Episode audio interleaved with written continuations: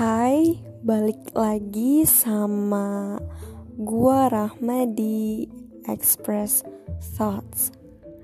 Hari ini udah episode 5 Gue bakal ngebahas tentang kehidupan gua bisa yang sampai sekarang ini terhitung dari SD ya Pokoknya dari gua kecil sampai SMA sekarang. Mungkin dari teman deket atau teman-teman yang di luar sana udah tahu sebenarnya gua itu lebih terlihat bukan maksudnya terlihat ap, wow apa nggak tahu lebih terlihat personalitinya itu ke seni. Lebih ke seni. Maksudnya apa? Seni bisa jadi seni menyanyi seni rupa atau apa pun itu tapi teman-teman kebanyakan tahu gua itu terjun ke dunia musik dunia musik yang seperti itu. Kenapa karena memang interest gue dari kecil dari kelas 4 SD itu memang udah di dunia tarik suara. Gak jauh-jauh dari situ.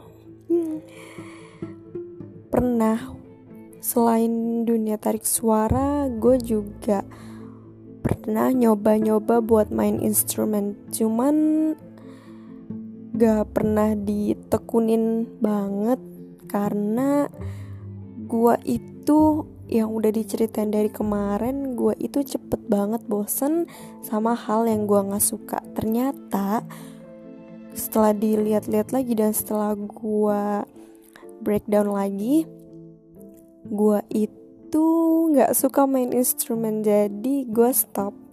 Gua bener-bener stop.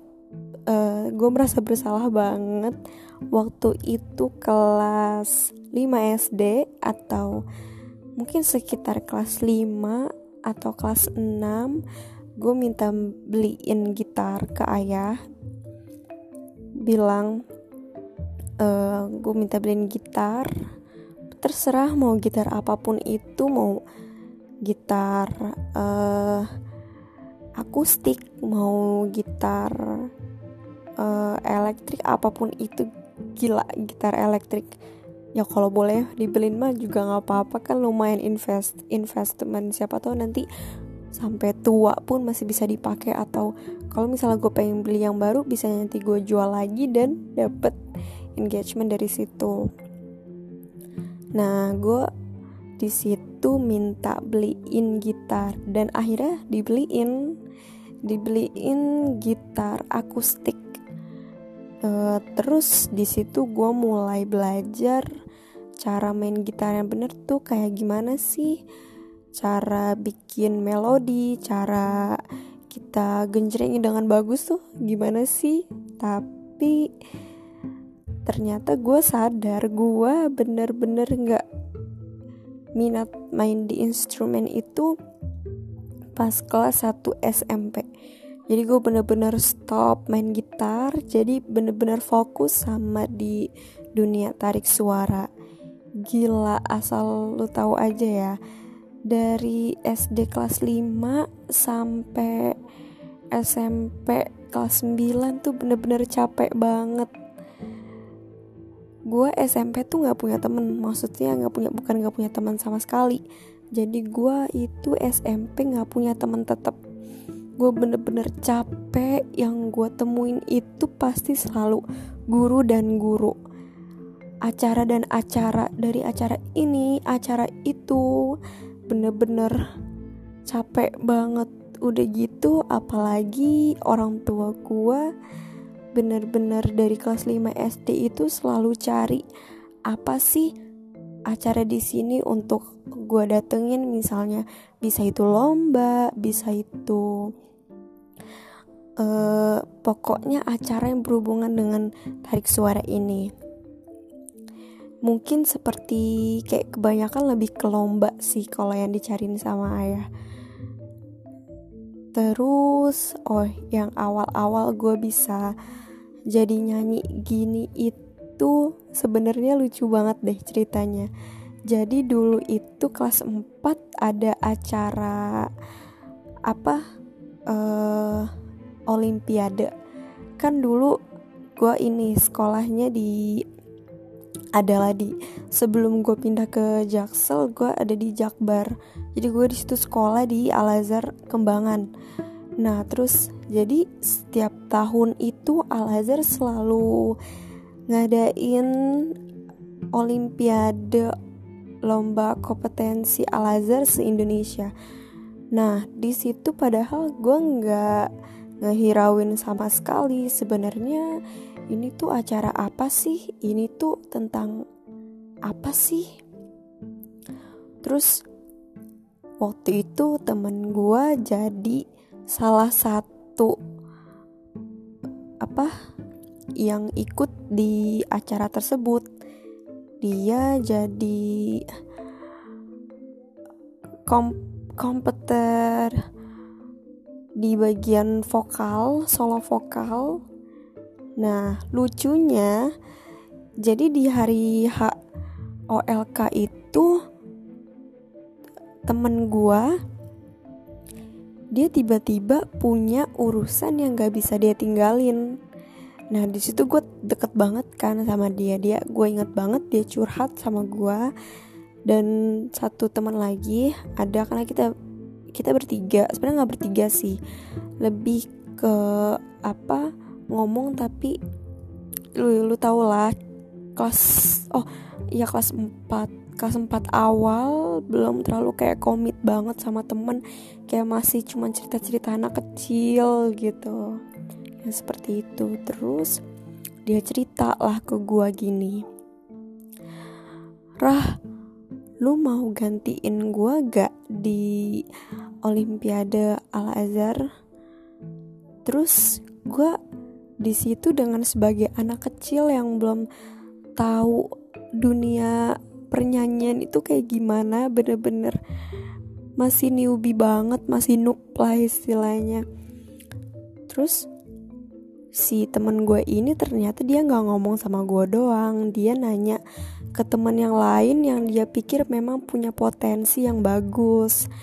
Nah akhirnya dapet tuh dua orang gue sama teman gue yang satu lagi abis itu gue kan masih mikir mikir maksudnya apa dia nanya kayak gitu dan akhirnya dia ngajak gue dan teman gue yang satu lagi datang ke guru kesenian di SD itu.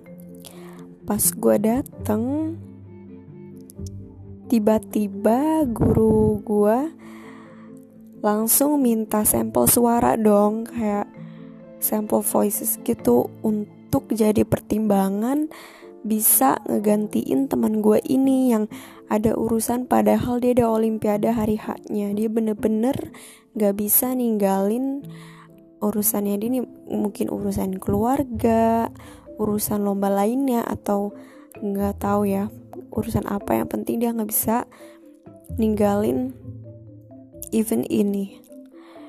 Terus jadilah di situ gue bener-bener ngebuka suara ya sekedar untuk ya just sing it nyanyi aja nyanyi dengan nyaman comfortable.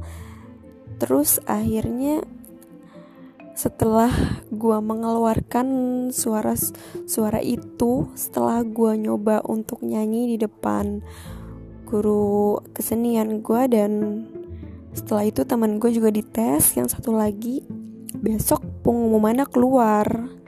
Dan ternyata gue yang dipilih untuk maju menggantikan teman gue ini. Gue seneng bukan kepayang dong terus seneng tapi ada rasa-rasa takut. Bener-bener takut. Lu bayangin woi baru pertama kali terjun ke dunia ini langsung masuk ke olim. Gila gue di situ bener-bener nggak tahu mau mikir apa lagi karena memang gue masih kecil masih kelas 4 SD yang gue tahu harus bagus bagus bagus aja nggak tahu. Ada teknik ini ada teknik itu tapi alhamdulillah akhirnya guru kesenian gue itu tahu gue tahu gue ada struggle di sini ada struggle di situ dan akhirnya gue latihan setiap minggu mungkin bisa hitung 3 sampai 2 kali sehari. Seperti kayak ya latihan pengen apa sih bener-bener ngambil kompetensi kompetisi itu. Nah di situ mulai di situ gue nyanyi. Terus ya di situ udah mulai mulai ke parah. Baru pertama kali langsung ke panggung tuh rasanya rasanya seperti anda menjadi Iron Man. Apa sih? Ya pokoknya rasanya kayak seperti itu. Baru awal-awal nyanyi langsung naik panggung tuh aduh rasanya beda banget deh.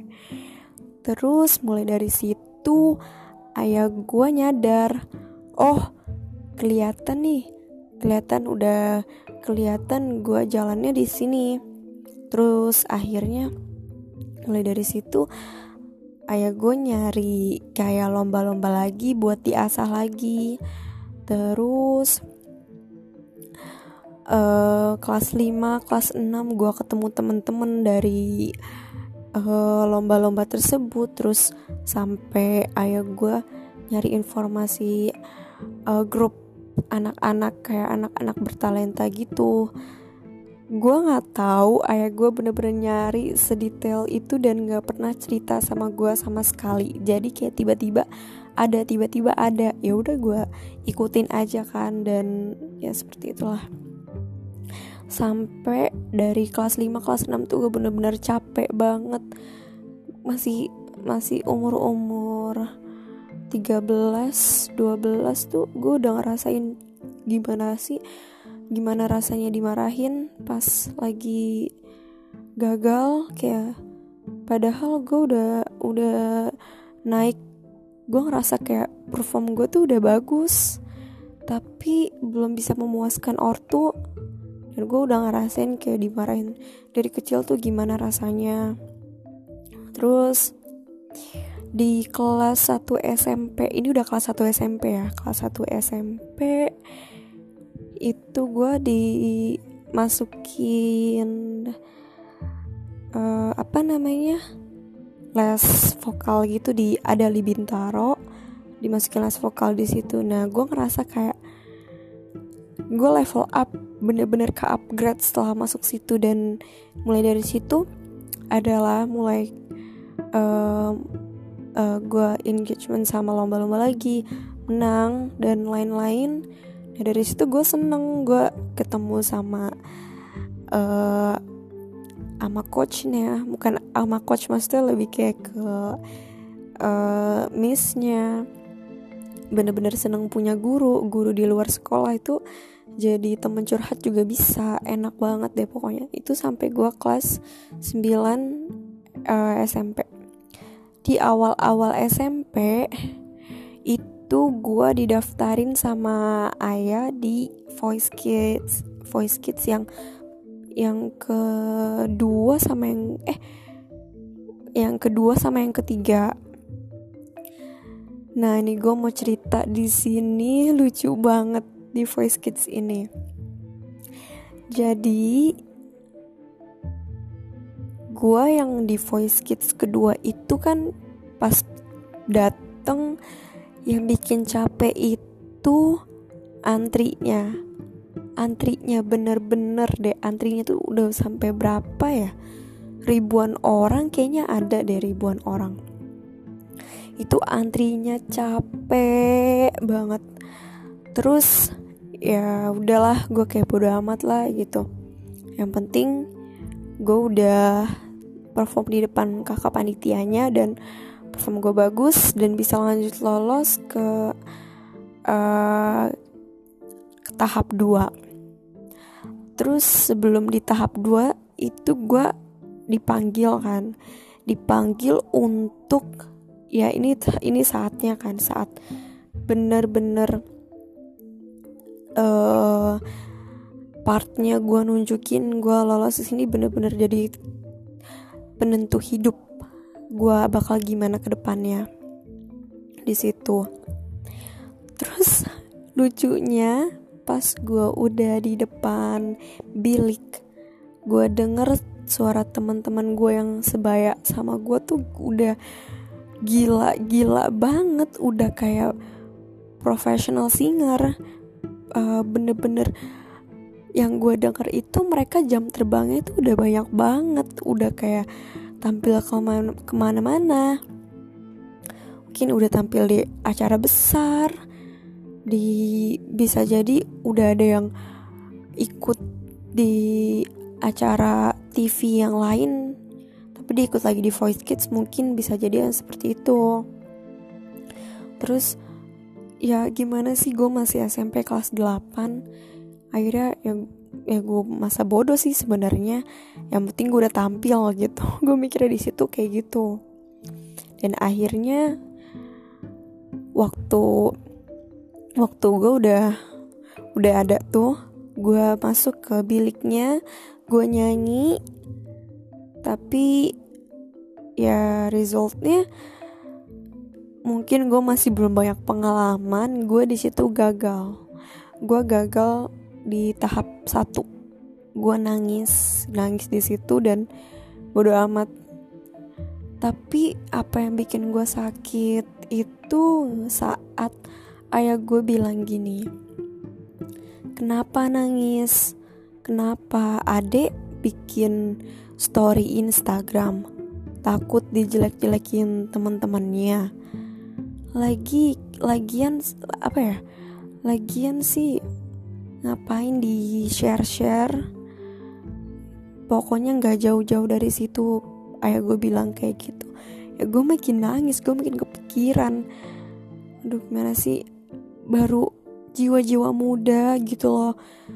Digituin cuma masalah sepele doang. Emang kenapa kita nggak boleh share happiness sama yang lain? Mungkin kalau resultnya belum bagus ya yang penting kita dapat dukungan dari teman-teman yang teman-teman kita kayak mungkin dari tante dari om juga bisa ngelihat dari lewat sosial media dari situ terus di tahun kedua bukan tahun kedua untuk Voice Kids tapi tahun kedua untuk gue ikut Voice, Voice Kids itu di Voice Kids season ketiga. Nah, di sini ini lucu banget, lucu banget deh. Jadi di sekolah gue itu yang ikut Voice Kids 3 ada gue kakak kelas temen gue yang satu lagi. Temen gue yang satu temen gue yang satu lagi ini anjlok banget deh. Aduh udah fix dia mak. Apa ya kocak banget lah pokoknya terus gue di voice kids ketiga ini ketemu temen banyak banget. Waktu yang pas di voice kids kedua kan dibilang kurang terbuka gitu sama yang lain. Gue cuma mikirin diri sendiri doang. Terus voice kids ketiga ini ketemu temen yang sampai sekarang bisa berteman gitu. Masih jalan masih masih hangout masih bisa cerita curhat. Lucu banget pokoknya deh dari situ gue dapet temen. Terus nah di sini juga gue setelah audisi tahap 1 alhamdulillah gue lolos ke tahap 2 tahap 2 voice kids season 3 nah setelah dapet suratnya surat kayak surat pernyataan gitu bahwa kamu lolos ke tahap 2 uh, kami akan menghubungi kamu jika kamu lolos ke tahap karantina. Seperti itu isinya gak jauh dari situ. Tapi setelah sebulan nunggu uh, hasilnya, ternyata gue nggak lolos ke karantina. Ya udah, gue bilang aja ke ayah gue, eh, uh, ayah aku nggak nggak lolos ke tahap karantina. Oh, ya udah mulai dari situ dikencengin lagi latihan di les vokal itu terus ketemu temen-temen. Pokoknya dibikin sharp lagi. Terus nah dari situ. Itu bener-bener SMP itu masa-masa tercapek. Gue nggak bisa ngabisin waktu sama teman pasti yang selalu gue temuin kalau nggak belajar itu di sekolah sama ada acara-acara itu capek banget. Nah mulai dari situ gue berhenti gue berhenti untuk ngambil nyanyi nyanyi nyanyi lagi. Udah yang pas UN UN kelas 9 gue berhenti. Gue keluar dulu dari les vokal pengen belajar buat persiapan masuk SMA nah sekarang di SMA ini gue bener-bener mikir uh, selain nyanyi gue sukanya apa sih? Kan nyanyi kan butuh banyak banget penonton butuh banyak banget yang lihat butuh banyak banget energi. Apa sih yang bisa gue lakuin biar gue bisa tetap santai? Terus gue mikir kan mulai dari situ. Sebenarnya banyak ya kayak uh, ya banyak aja sih sebenarnya kayak bisa nulis nulis nulis cerita bikin cerita dipublish ke platform di internet. Bisa banget bisa banyak lah pokoknya. Terus mulai awal-awal SMA itu gue dapet info kalau pengen ada acara seangkatan. Acara seangkatan nah ada audisinya juga. Langsung hari itu juga di audisi untuk yang vokalis. Nah ya udah akhirnya gue ngajuin aja di situ dan akhirnya hasil dari seminggu kemudian gue sama empat temen gue itu masuk ke vokalis itu. Jadi vokalis di eventnya ya udah gue mulai nyanyi lagi di situ. Gue gue kasih effort terbaik gue kayak gimana. Dan akhirnya gue jalinin aja satu-satu. Ya pokoknya sabar satu persatu. Kutipan gitu. Terus tapi uh, setelah gue nyanyi itu gue pengen berhenti sejenak deh. Gue pengen sebentar aja gue istirahat gitu. Sebentar aja gue bisa main sama teman-teman. Gue sebenarnya rada marah ya. Oh ya rada marah ya sebelum eh enggak rada marah kalau misalnya ayah gue tuh selalu nuntut ade harus jadi apa-apa profesional dan ini profesional gitu. Gue pengen bilang pengen santai-santai dikit gitulah pokoknya terus uh, sebenarnya sebelum masuk The Voice Kids itu gue ada lagi di akademi Voice Indonesia Voice Indonesia punyanya Ro eh punya si ini Rio si lain kalau nggak salah. Rio iya Rio. Jadi dia kayak akademi akademi gitu. Nah tapi nggak cuma seumuran gue doang ada yang udah di atas gue ada yang udah umur 30-an ke atas juga udah. Jadi bentuknya itu kayak choir kayak paduan suara. Seperti itu. Jadi sebenarnya life is tricky. Kita itu bisa nentuin perjalanan hidup kita ya sesuai keadaan kita sekarang. Apa yang kita lakuin sekarang itu menentukan masa depan kita. Jadi kalau ya gue sadar kalau misalnya gue males-malesan gue nggak kejar mimpi di masa depan nanti belum kelihatan cerminan diri gue itu seperti apa. Jadi sebenarnya apa yang dibilang sama ayah gue tuh memang bener ya kalau mau jadi apa pun itu jangan selalu dibikin rebahan di untuk sekarang-sekarang ya jadi kasih effort terbaik untuk kehidupan kamu di masa selanjutnya. Jadi kayak gitu aja. Uh, oh iya, yang tadi gue kasih deskripsi di bawah how important are your teenage years? Sebenarnya kalau ditanya seberapa penting ya penting banget. Ya gue pengen menikmati masa-masa kehidupan remaja gue itu dengan baik. Dengan baik dalam artian baik dalam bersosialisasi baik dalam membuat komunikasi, baik dalam hubungan dengan teman-teman. Jadi kita nggak harus on di social media, tapi nanti sosialisasi di real life itu mati. Nggak, gue bener-bener nggak mau kayak gitu. Jadi maka dari itu kenapa gue rada-rada berhenti dari nyanyi ini ya itu karena gue capek. Gue selalu dapet tuntutan dan tekanan itu dari kelas 4 SD yang seperti itu. Jadi kalau misalnya kita mau ngapa-ngapain lakuin itu untuk diri kita sendiri. Lupain orang lain lupain lupain dulu apresiasi dari orang orang lain Pokoknya apresiasikan diri kamu dulu sendiri sebelum orang lain melihat atau mengapresiasikan kamu. Seperti itu. Jadi jangan selalu menyalahkan diri sendiri.